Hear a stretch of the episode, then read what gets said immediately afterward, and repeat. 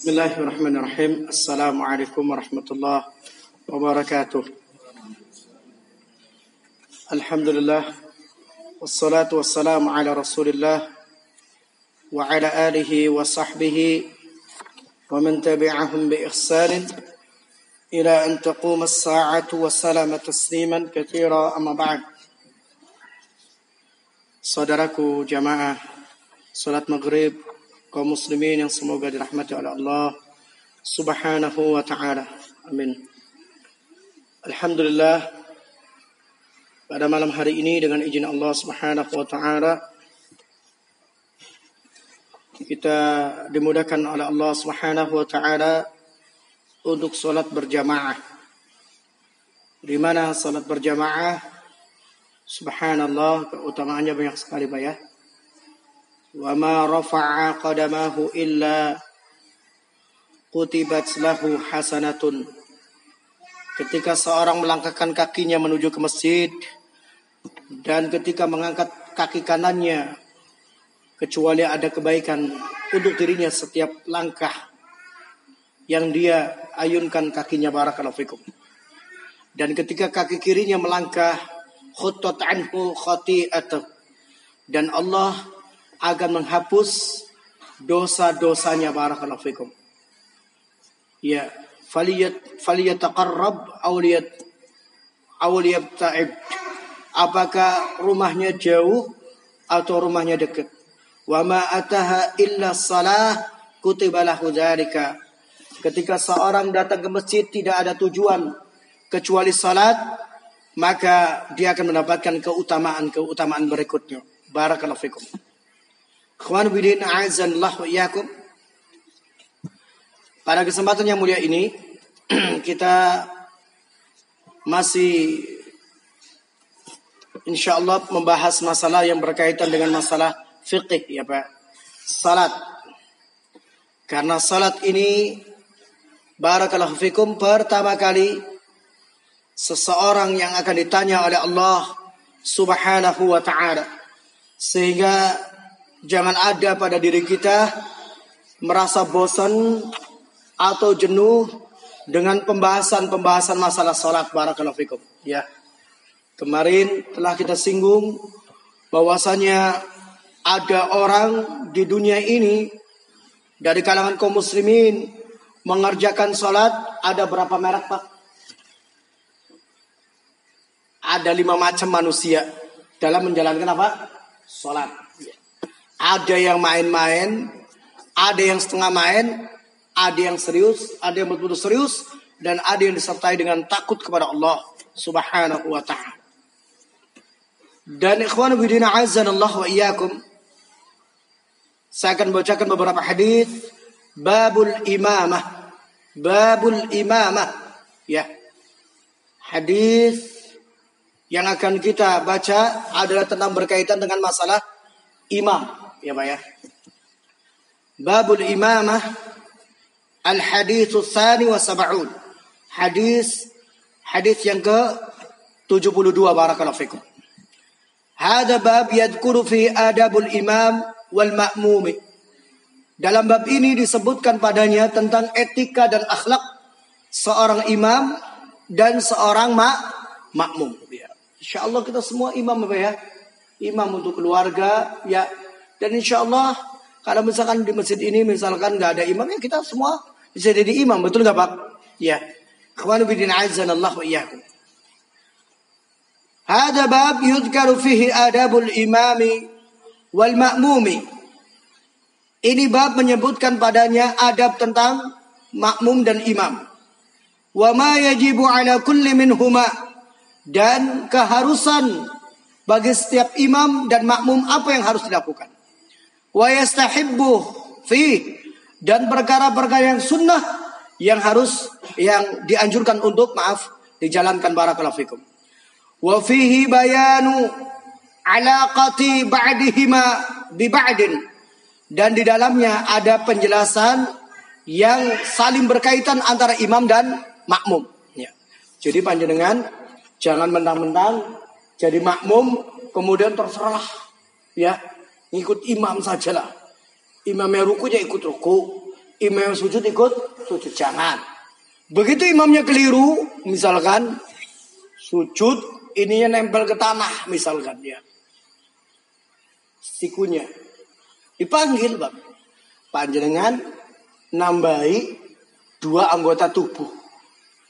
Padahal di dalam hadis Rasulullah sallallahu alaihi wasallam menyatakan, "Inna harrama sab'a a'dha'il ibni Adam minan nar." Allah mengharamkan api neraka untuk anggota tubuh manusia yang digunakan oleh mereka bersujud dari tujuh anggota badan. Berapa? Tujuh. Ya. Tujuh ini satu ya. Sehingga diusahakan hidung juga bagian dari mu, muka nempel. Kemudian tangan dua ya. Dua tambah satu berapa? Tiga. Kemudian setelah itu lutut dua. Berapa berarti? Lima. Kemudian kaki dua ya. Berarti berapa pak? Tujuh. Kalau kemudian siku ikut nempel ke tanah, berarti berapa? Sembilan. Begini nggak benar. Pak ya, barakallahu fiik. اخواني بدين عازل الله وإياكم وبارك الله فيك. والإمام نظام إلهية. يرشدنا سبحانه وتعالى فيه عملية إلى مقاصد سنتية وأهداف سامية من حسن الطاعة. إمام adalah suatu utusan dari Allah Subhanahu wa taala. Yang mengatur barakallahu fikum. Jadi Imam ini secara tidak langsung adalah apa? Wakil dari Allah Subhanahu wa taala untuk mengatur makmumnya dalam sholat. Barakallahu fikum.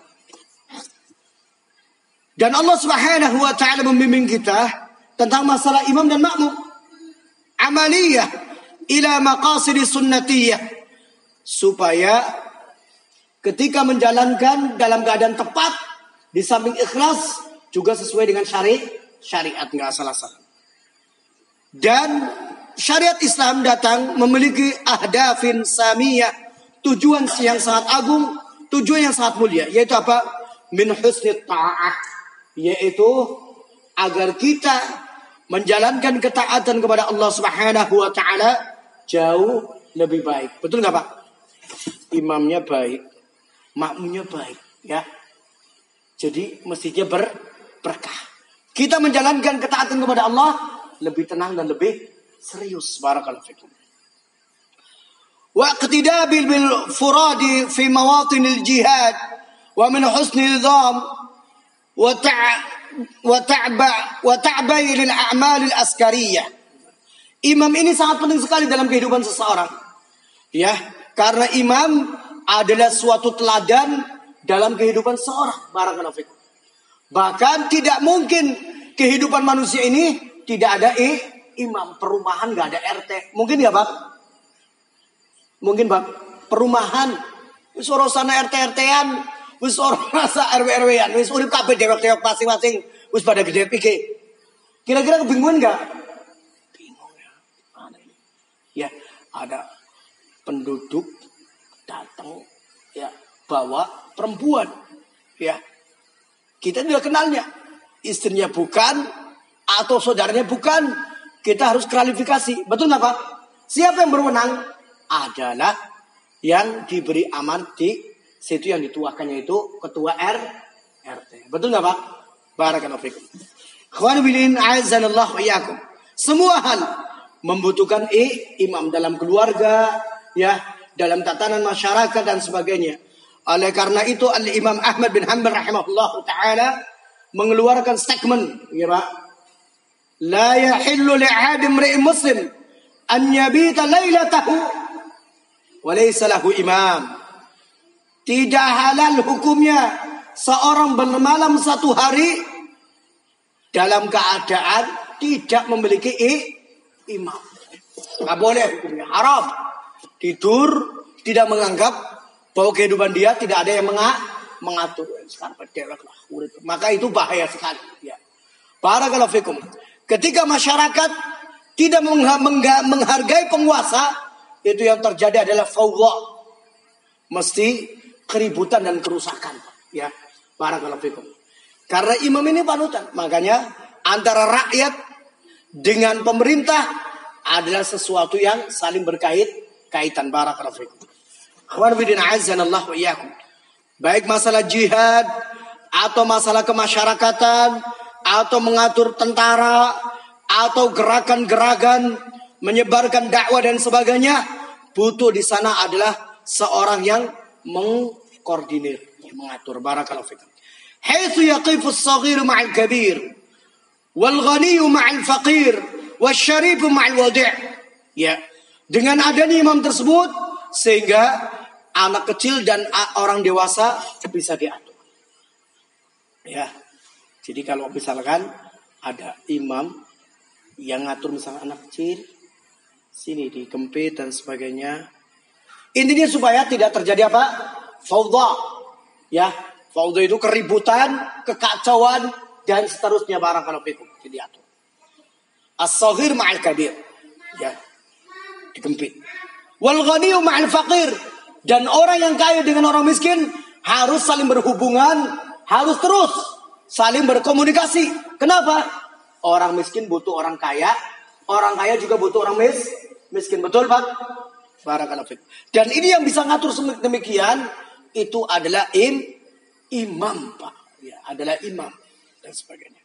Wasyarifu ma'al wadi' atasan harus sering berhubungan dengan apa? Bawahan. Barakallahu Ila ghairi dzalika min asrari nufutil hasr. Selain daripada itu banyak sekali rahasia-rahasia yang dibalik kenapa kita hidup membutuhkan e imam. Barakallahu fikum. Hada ba'dul maqsidil asma. Inilah tujuan yang paling tinggi wa huwa ibadatullah taala wa khudu' baina yadayhi. Ya, dan bisa diketahui ketundukan seseorang kepada Allah, keikhlasan seseorang kepada Allah itu dari apa? Dari keberadaan imam, Pak. Barakallahu fikum. Rasulullah SAW menggambarkan seorang mukmin kal jamali yaqudu anfuhu bil habl. Seorang mukmin itu adalah seorang yang seperti diikat hidungnya onta diikat apa? Ayo, onta diikat apanya? Hidungnya dengan tali sama pemiliknya. Orang mukmin itu ditarik ke mana-mana mau pak, ya. Al mukmin kamithli jamali, ya yaqidu anfuhu bil habl. Seorang mukmin mukmin itu seperti onta yang diikat hidungnya dan kemudian ditarik ke mana-mana mau. Ya, barakallahu fikum. Mau dia sentimen, mau dia punya rencana jahat, mau dia punya rencana busuk, terser terserah. Betul gak Pak? Rencana busuk kena, mengenai dirinya sendiri, sendiri. Jadi orang mukmin itu hidup dunia ini nggak ada yang takut. Yang takutnya hanya kepada siapa? Allah Subhanahu wa taala. Barakallahu fikum. Al-hadits tsani wa sab'un. Kita mulai hadisnya an Abi Hurairah radhiyallahu taala anhu anna Nabi alaihi salatu wassalam qala dari Abu Hurairah radhiyallahu taala an anna Nabi alaihi salatu wassalam qala bahwa Rasulullah sallallahu alaihi wasallam bersabda amma alladhi amma yakhsha alladhi yarfa'u ra'sahu qabla al-imami أن يحول الله رأسه رأس حمار أو يجعل الله صورته صورة حمار Hadis riwayat Bukhari dan Muslim. Amma yakhsha alladhi adapun orang-orang yang mengangkat kepalanya sebelum imam mengangkat kepalanya yakhsha hendaklah takut. Takut apa? an yuhawwilallahu ra'sahu ra'sa himarin.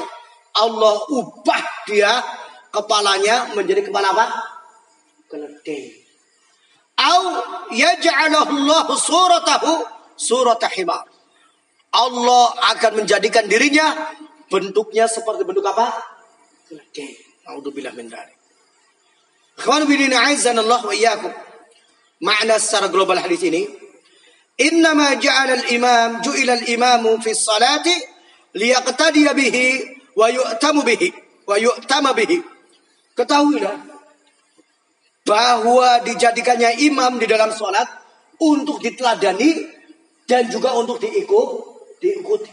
Ini salat itu cerminan kehidupan masyarakat sebetulnya. Kita bisa diambil dalam tatanan apa keluarga. Kalau istrinya, anaknya ngikut imamnya, siapa imamnya Pak? Siapa imamnya?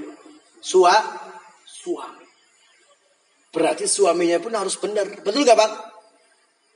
Karena lagi sedang apa? Diintip sama anak-anaknya dan sama apa? Istrinya. Barakallahu Dan betul. Innama imamu liyaqtadiya bihi wa. Allah jadikan kehidupan ini adab imam agar diteladani dan agar diikuti barakallahu Dan keikhlasan seorang istri, keikhlasan seorang suami itu bisa diukur dengan apa? Ketundukan dia terhadap imam. Kalau istrinya rewel, banyak protes, banyak macam-macam, dan sering membangkang, dan punya keputusan-keputusan sendiri, ya. Kalau mau ada rencana, tahu-tahu dilakukan sendiri, tanpa ada musyawarah, tanpa ada minta pendapat, tanpa ada gendu-gendu rasa, langsung dikerjakan. Ini namanya menyepelekan i, imam dan barakallahu fikum. Dia berarti istri yang kurang ikh, ikhlas. Dan ini banyak.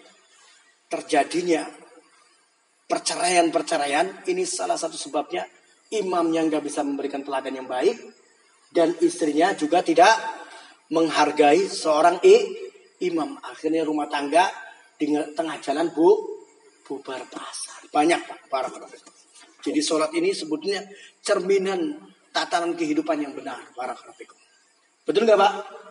Para Kata beliau demikian. Bihaitsu taqa'u al-ma'mum ba'da tanafulatih. Wa bihada tuhaqqiqul mutaba'ah. Di mana seorang makmum tidak boleh bergerak anggota tubuhnya ya kecuali setelah imam sudah bergerak anggota tubuhnya.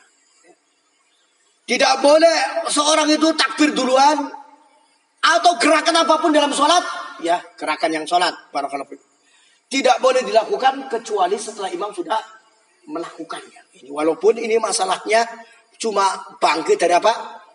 Ruku, ya. Atau bangkit dari apa? Su sujud. Imam belum bangkit, dia sudah bangkit dulu kepalanya.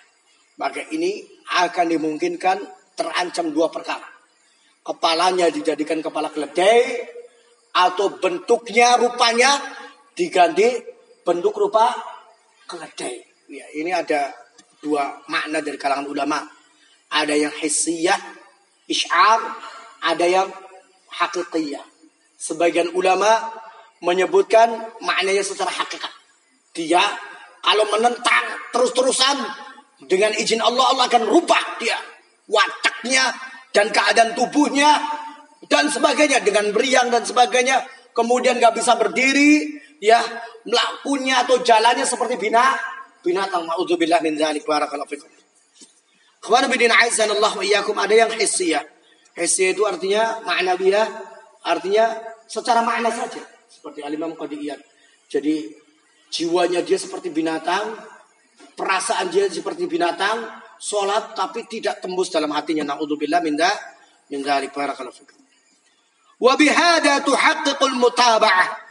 Dengan inilah ya terwujud saling kerjasama antara imam dan mak makmum. Ya. Jadi kalau imamnya tidak beres, secara otomatis makmumnya juga tidak beres. Ya. Kalau imamnya soleh, insya Allah makmumnya juga orang-orang soleh. Barakallahu. Fa inna sabaqal ma'mum fa'atat maqasid matlubah min al-imamah. Lidha ja'a al-wa'id syadid.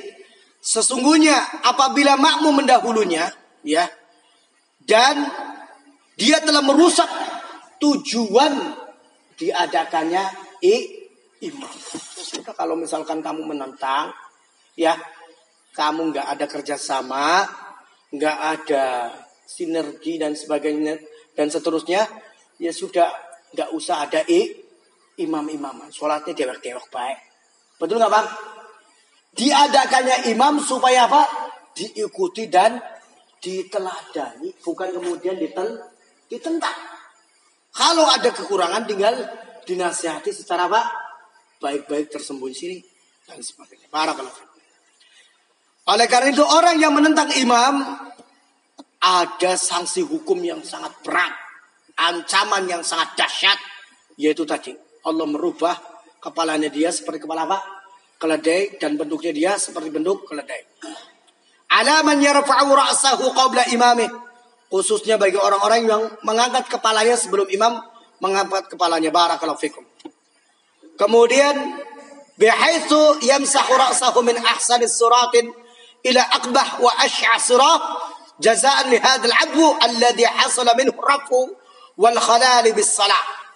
Ini balasan yang paling tepat bagi orang-orang yang senang mendahului imam adalah anggota tubuhnya khususnya kepalanya diganti kepala apa? Himar yang berbuat kepala sehingga kepalanya dirubah menjadi apa? Kepala keledai barakallahu. Ikhtilaful ulama'i fi sabaqi. Berbeda para ulama tentang hukum mendahului imam dalam solat. Ittifaqul ulama ala tahrim sabiqatul ma'mum lil imam li hadzal wa'id syadid. Para ulama telah sepakat setiap makmum mendahului imam atau membarengi imam maka dia sholat dalam melakukan suatu keharaman. Karena apa? Dia diancam dengan ancaman yang ker keras. Barakallahu fikum. Ikhtalafu fi butlani salatihi fal jumhur annaha la tubtilu salah. La tubtil. Akan tetapi terjadi sidang pendapat perbedaan di kalangan para ulama apakah sholatnya batal apa sholatnya tidak batal. Gimana Pak Batal nggak sholatnya? Eh, jenengan kira-kira sing mantep. Batal nggak kira-kira? Ada makmum mendahului imam atau barengi imam?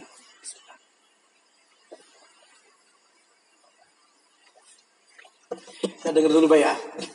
Jumhur ulama mayoritas ulama berpendapat annaha la tubtilus salah la tubtil. Bahwasanya perbuatan tersebut tidak membatalkan salat ini mayoritas wa dzakara al-ahmad fi risalati annaha laisa liman sabaqal imam salah ya. Bahwasanya Imam Ahmad dalam kitab Risalah Salat beliau menyatakan laisa liman sabaqal imam salah salatan. Laisa tidak ada salat kata beliau. Bagi siapa? Liman sabaqal imam bagi orang yang mendahului imam. Pernah saya sebutkan kemarin ya Imam Ahmad berpendapat bahwa sholatnya tidak sah. Ini termasuk pendapatnya Abdullah bin Umar, Abdullah bin Mas'ud, Abdullah bin Abbas melihat kejadian-kejadian ya ada orang mendahului imam kemudian diperintahkan untuk apa? Untuk mengulangi sholatnya. Barakallahu fikum. Wa ashabul Ahmad yaqulun man sabaqa imamahu fa'alaihi an yarji'a la ya'tiya ba'd bihi ba'dahu. Fa illam yaf'al 'amdan batalatis salah. Ya.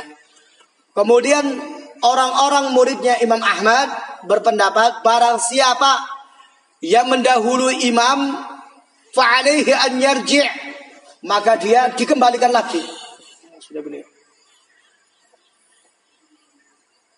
Oh ternyata imam dulu gitu loh. Ada kan orang ngimami tapi suaranya lirih ya Pak ya. Allah Akbar.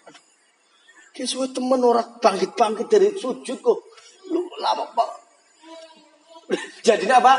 Kepalanya ngang, ngangkat begitu ngangkat ternyata posisi imam masih sujud. Maka kata para madhab amaliyah, ya murid-muridnya berkata, fa'alaihi an yarji, faliyati bihi. Dan dia kembali lagi dan posisi seperti awal.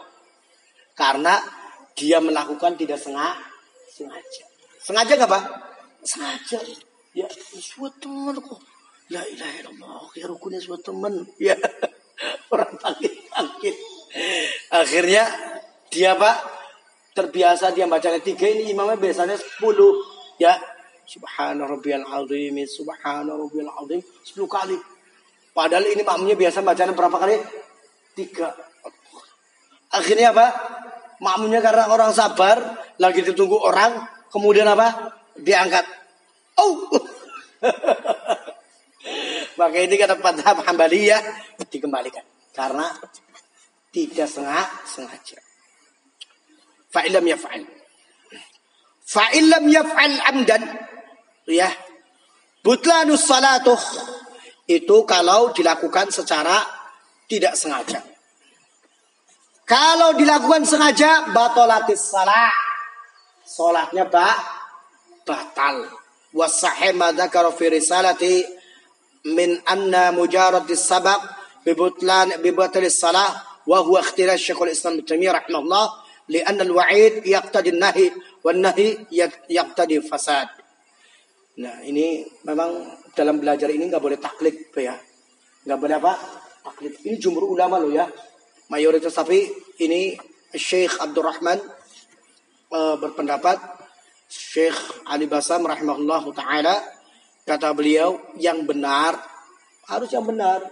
Walaupun ada sekian pendapat harus ada yang ben yang benar. Sifatnya kebenaran sah satu jangan sampai kemudian dua-duanya be benar. Aduh repot ya dua-duanya be benar. Ini repot bikin bingung umat para kalau jadi yang benar kata Syekh adalah sebagaimana disebutkan dalam kitab Risalah Imam Ahmad Salat Salat semata-mata mendahului imam maka sholatnya sudah tidak sah ini pendapat yang dipilih oleh Syekhul Islam Taimiyah rahimahullah li'anna al-wa'id yaqtadin nah. Karena ancaman memberikan ilmu larangan. Betul nggak? Jangan duduk kamu di situ. Kalau duduk, kalau duduk di situ, tas lentik. Berarti kalau duduk di situ, boleh nggak Pak? Nggak boleh, karena sanksi adanya apa? Kan sentik. Jadi kalau ada sanksi, berarti perbuatan tersebut hukumnya dilah dilarang. Sementara wanahi yaqtadil fasad. Larangan apabila dilakukan akan memberikan konsekuensi kerusakan perbuat perbuatan perbuatan rusak dan batin. Ini yang benar barakallahu. Istimbatati min al hadis. Ya. Ilmu-ilmu yang dapat kita petik dari hadis ini. Yang pertama haramnya yang mengangkat kepala dalam salat mendahului imam. Kemudian yaltahu bidzalika sabaqal imam fi kulli talfiti dan hukum juga berkaitan sama semua gerakan. Bukan hanya sekedar apa? Mengangkat kepala dari ruku atau dari sujud saja. Bukan Pak. Semua gerakan. Al-ibrah bi ummi lafzi la bi sebab namanya ilmu diambil dengan sebabnya sebabnya apa perbuatan orang tersebut mendahului eh, imam lah kalau itidal boleh nggak mendahului imam? Misalkan mau sujud, imam belum sujud, dia sudah mau su sujud, tetap hukumnya ha haram. Loh, di sini kan yang disebutkan cuma apa? Mengangkat kepala. Kalau mau sujud kan nggak mengangkat kepala, betul nggak? Ini namanya orang yang ngerti il, ilmu fiqih. Jadi kadang-kadang ada orang-orang seperti itu Pak ya. Apalagi zaman saat sekarang ini ngeri sekali barakallahu ya ngeri sekali. Jadi apa? Pokoknya hadisnya yang dilarang itu ya sudah yang dilarang itu. Yang lain boleh. Ini repot ya. Yang dilarang cuma itu yang lain nggak boh yang lain boleh dan sebagainya barakallahu jadi nggak ngerti sebab larangannya sebab larangannya itu mendahului imam Apakah mendahului sujud? Ya. Apa mendahului takbir? Ya. Apa mendahului takhiyat? Jika mendahului imam, maka sholatnya ba batal. Barakallahu. Kemudian pelajaran yang ketiga, wujub mutaba'ul ma'mum lil imam fi shalah. Wajibnya seorang makmum mengikuti imam dalam sholat. Ya, barakallahu fikum. Jadi panjenengan datang, ya imamnya sholat jamaah wis bubar, ya sudah. Jenengan tetap mendapatkan paha pahala sebagaimana datang hadis para kalau ya orang datang ke masjid kemudian sebagiannya sudah rampung sebagian mau apa sebagian belum rampung. Kemudian dia ngikuti maka dia mendapatkan pahala ya. Kemudian wa ida jaa wa hadara qad salla qaumun fa huwa sallu wa kadzalika ajruhu mithluhu. Apabila seseorang datang ke masjid kemudian jamaahnya sudah bubar ya maka dia pun seperti sholat berjamaah berjamaah. Karena tidak ada niatan untuk meninggalkan sholat jamaah. Para kalafikum. Walaupun pendapat Imam Malik, para kalafikum paling tidak mendapatkan apa? Tahiyat akhir. Begitu mendapatkan imam tahiyat akhir, dia ikut, dia mendapatkan pahala apa? Sholat jamaah. Tapi yang dirojekan oleh alimah Ibnu Abdul Azim dalam kitab Al-Waziz bahwasanya ketika seorang datang ke masjid dalam keadaan tidak sengaja ingin ketinggalan sholat jamaah, tapi sholatnya sudah bubar, maka berdasarkan hadis yang sahih kata beliau, kana lahu mislu, kana lahu ajruhu misluhu. Dia mendapatkan pahala seperti semisalnya. Karena apa? Intinya kita diperintahkan mendatangi masjid tidak boleh tergesa-gesa dan tidak boleh terburu-buru ya bukan kemudian menyepelekan menggampang-gampangkan jangan ya pak ya artinya kita harus selesai dulu misalkan badannya belum rapi habis pulang kerja ya pak ya. Kemudian masih bau badan sebagainya akhirnya dibersih dulu dan sebagainya ya. Haus akhirnya minum dulu. Begitu datang dengan santai jamaahnya bu bubar. Ini menunjukkan hukum asalnya sunnahnya. Komat itu nggak pakai apa? Mikro mikrofon. Hukum asalnya loh pak ya. Ya hukum asalnya begitu. Para sahabat datang terus bubar. Kalau komatnya seperti azan kan mereka ngerti betul nggak pak? Betul nggak pak? Karena komat kan kod komatis salah untuk yang hadis itu barakallahu fikum. Ikhwan bidin a'azzanallah wa iyyakum. Kemudian innal jazaa'a min jinsil amal. Dalam hadis ini ada ilmu yang dapat kita petik. Yang keempat adalah innal jazaa'a min jinsil amal. Ini kaidah namanya balasan sesuai dengan jenis perbuatannya. Kamu tidak sayang sama ayah ibumu, ayah ibumu tidak sayang kepada kak, kamu. Otomatis. Kamu tidak menghargai kedua orang tuamu, anak-anakmu pun tidak menghargai dirimu. Ya. Makanya dalam satu riwayat, birru bi abawaikum fa abirru auladak auladukum. Berbuat baiklah kalian kepada kedua orang tua kalian. Niscaya anak dan keturunanmu akan berbuat baik kepada dirimu. Jadi kalau anak-anak kita pengen nurut gampang rumusnya. Ya, istilah bukan kamu ya. Apa? Kita berbakti kepada kedua orang tua. Insya Allah anak-anak kita akan bakti kepada kita. Albirrus salaf wasyarrus salaf. Kebaikan akan dibayar dengan kebaikan walaupun tem tempo ya tempo ada yang langsung, ada tem tempo. Wasyarrus salaf dan kejahatan pun akan dibayar dengan apa? Kejahatan. Barakallahu Kalau ditanya mana yang lebih baik, ya Ustadz ini mantan preman atau dari kecil jadi ustadz? Ya paling baik dari kecil jadi us ustadz barakallahu Betul nggak Pak? Ya, karena dia tidak punya apa? Kawan kejahatan-kejahatan yang dia laku, lakukan. Betul nggak? Makanya itu cerita yang tidak benar. Kalau Umar bin Khattab radhiyallahu taalaan ketika masa jahiliyah beliau orang jah jahil ceritanya orang Syiah Jadi ikhwan bidin azanallahu iyakum orang kalau sudah mau jadi orang pilihan ada namanya hirasah. Hirasah itu penjagaan dari Allah istimewa, diistimewa. Terus dan sebagainya. Makanya ini lagi ramai istilahnya Pak ya. Gara-gara Rasulullah SAW digambarkan rembes. ini ini akhirnya ya ramai. Itu karena salah sendiri sebetulnya Pak. Salah sendiri sendiri barakallahu. Salah sendiri dari sisi mana Pak salah sendirinya dia mengaku dirinya bermadzhab Syafi'i tapi dia tidak mendengarkan nasihatnya Imam Syafi'i Syafi'i. Akhirnya kena welak istilahnya barakallahu fikum. Apa kata Imam Syafi'i? Al-ilmu maqala fihi haddatsana wa akhbarana wa ma siwa dzaka wa syaitan.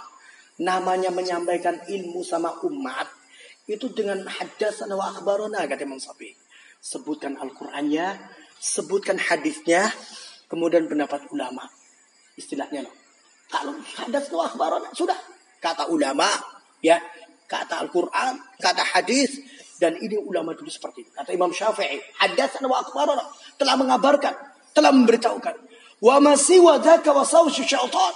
Kalau menyampaikan agama kemudian tidak menggunakan itu, pasti akan terjebak dengan apa? Was-wasnya. Was-wasnya siapa? Syaitan. Dengan Imam Syafi'i. Imam Syafi'i bisa ngomong seperti itu kan karena apa? Ya banyak kejadian dulu-dulu ini istilahnya baru aja. Dulu sering sekali orang menghina Rasulullah SAW tidak sengaja. Atau orang keseleptot ceramah tidak sengaja. Karena apa? Karena dia ketika menyampaikan taklim nggak menggunakan apa? Ilmu haddatsana wa akhbarana. Makanya Imam Syafi'i menyatakan ingat kalau kamu menyampaikan ilmu di pengajian untuk umat haddatsana wa akhbarana. Kalau selain daripada itu kamu akan apa? Kejebak dengan apa? Was-wasnya syaitan. Dipelintirkan lidah. Mau masuk masjid tak? Audzubillah. Betul nggak Pak? Mau masuk masjid apa? Audzubillah. Keluar masjid? Audzubillah. Mau baca Al-Quran apa? Mau baca keluar apa?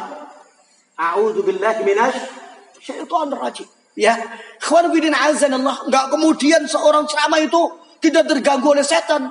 Kawan bidin azan baca Quran saja minta perlindungan kepada Allah dari siapa? Iblis barakallahu fikum. Iblis akan kejar terus. Di mana pun barakallahu fikum. Ya, ada orang sholat. Ada orang tanya tadi pagi. Apa mungkin orang sholat diganggu sama setan? Semua setan akan ngejar terus bagaimana Bani Adam tuh salah. Bagaimana Bani Adam itu keliru. Betul nggak Pak? Kejar terus barakallahu fikum. Intinya ya setan itu berusaha Bani Adam menjadi pengikut neraka jahat Jahannam. Barakallahu fikum. Sini ini kesalahannya di sini barakallahu fikum. Sehingga barakallahu fikum ya. Mudah-mudahan segala sesuatu ada hikmahnya Pak ya. Ada hikmahnya barakallahu fikum karena kullu syai'in lahu. Segala kejadian pasti ada hikmahnya. Yang berbuat ya supaya madan hati-hati ya. Barakallahu fikum dan mencontohkan kepada yang lainnya barakallahu fikum. Bismillah. Kalau riwayat Rasulullah SAW ya memantulkan cahaya itu riwayat sahih. Tapi yang jadi masalah barakallahu fikum itu dalam mimpi bainal bainal naimah wa yaqdah. Kata Aminah bintul Wahab, ya, ketika aku hamil Rasulullah SAW, ya, aku bermimpi antara aku tidur dan bangun. Riwayat Muslim dinukilkan dalam kitab Tafsir Lukasir dan dalam sejarah-sejarah terpancarkan cahaya yang menyerisal. Dan cahaya ini barakallahu fikum dimaknakan oleh makanya menyampaikan hadis dan Quran itu diusahakan dengan pemahaman para sahabat radhiyallahu anhum supaya selamat. Yang dimaksud saya di sini ya ikhwan fillah azanallahu iyyakum. Ya sebagian ulama menafsirkan cahaya betul-betul cahaya. Tapi sebagian ulama ya seperti Abdullah bin Abbas, kemudian uh, Talha bin Ali yang dimaksud cahaya adalah ini hidayah dan il ilmu barakallahu fikum. Jadi Rasulullah SAW datang membawa ilmu cahaya Cahaya barakallahu fikum. Ikhwan bidin a'azanallahu iyyakum. Dan ketika Rasulullah sallallahu alaihi wasallam lahir, barakallahu fikum, itu dikisahkan beberapa raja-raja yang membaca Alkitab itu langsung gentar. Karena apa? Masing-masing mereka bermimpi ya 12 bintang jatuh. Dan kemudian dalam kondisi awan ya alam memberikan isyarat bahwa Nabi itu sudah da datang. Barakallahu fikum. Ikhwan bidin tapi kan itu nggak ada yang tahu. Mana-mananya nggak ada yang tahu barakallahu fikum. Yang tahu adalah siapa? Barakallahu fikum rahan minar rahbatil kita. Yang tahu adalah seorang temannya Abu Talib yang ketika itu Abu Talib pergi membawa Rasulullah SAW kemudian kaget siapa itu anakku tidak mungkin. Jujur itu anaknya siapa? Ibnu akhi. Ya. Itu adalah anak saudaraku. Karena Abu Talib dengan Abdullah itu bapaknya Rasulullah SAW itu satu ibu dan satu bapak. Ya barakallahu fikum. Kemudian setelah itu Eh, kapan dia lahir? Pasti bapaknya meninggal, baru dia lahir.